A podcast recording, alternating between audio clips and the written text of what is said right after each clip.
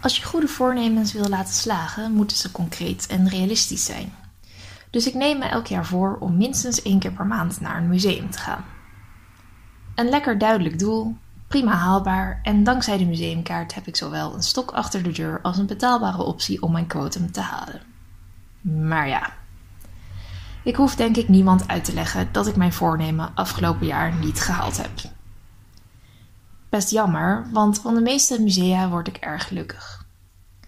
Ik vind het heerlijk ontspannend en inspirerend. Ik krijg een acuut vakantiegevoel van door een museum lopen. Je even helemaal laten opslokken door een andere wereld. Genieten van de schoonheid. Eens even echt ergens bij stilstaan en je laten verrassen. Heerlijk.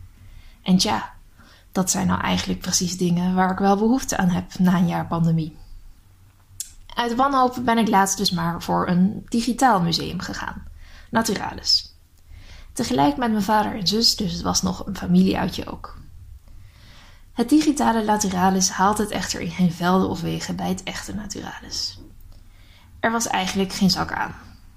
We konden rondlopen door het in 360 graden gefotografeerde museum, maar we konden niks van dichtbij bekijken en we konden de bordjes niet lezen en onze digitale verplaatsing door de zalen ging nogal abrupt, dus ontspannend was het ook niet. Het digitale museumbezoek versterkte hoogstens onze behoefte om weer eens echt naar een museum te gaan.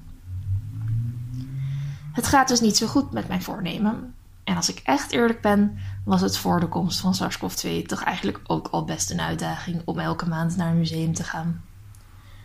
Voorheen liep ik aan het eind van een museumloze maand gewoon nog even snel het stedelijk in.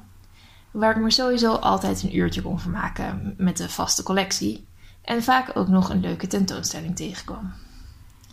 Alleen ben ik verhuisd naar Nijmegen, dus even naar het stedelijk gaan heeft tegenwoordig nogal wat haken en ogen, zoals een tamelijk lange treinrit.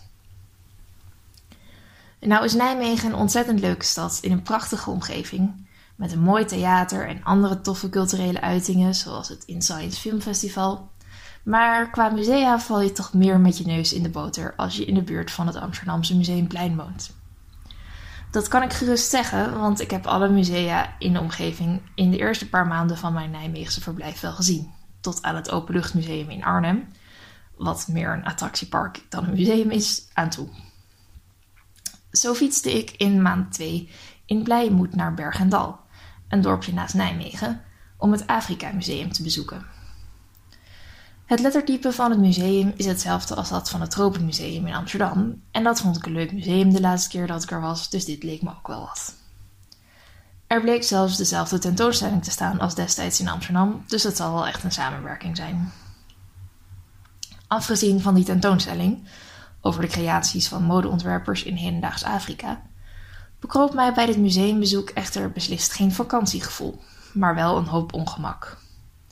Met name bij het lezen van een infobordje waar mensen uit Afrika ten tijde van de kolonialisatie werden neergezet als ook geen lievertjes. Ahem. Ik hoop maar dat ik dit verkeerd begrepen heb en dit niet een poging was geweld van kolonialisten te vergoelijken. In de tuin van het museum, bij de nagebouwde traditionele woonconstructies uit verschillende gebieden in Afrika, voelde ik me vervolgens een beetje als een indringer bij iemand thuis. Ik fiets minstens één keer per maand langs de afslag naar het Afrika Museum, want die ligt op de route naar de Zevenheuvelenweg. Een weg die zijn naam eer aan doet en daarmee leuk is om op te nemen in een wielrenrondje. Maar de afslag zelf heb ik na die ene keer niet meer genomen. En voor mijn maandelijkse quotum zie ik het voorlopig somber in.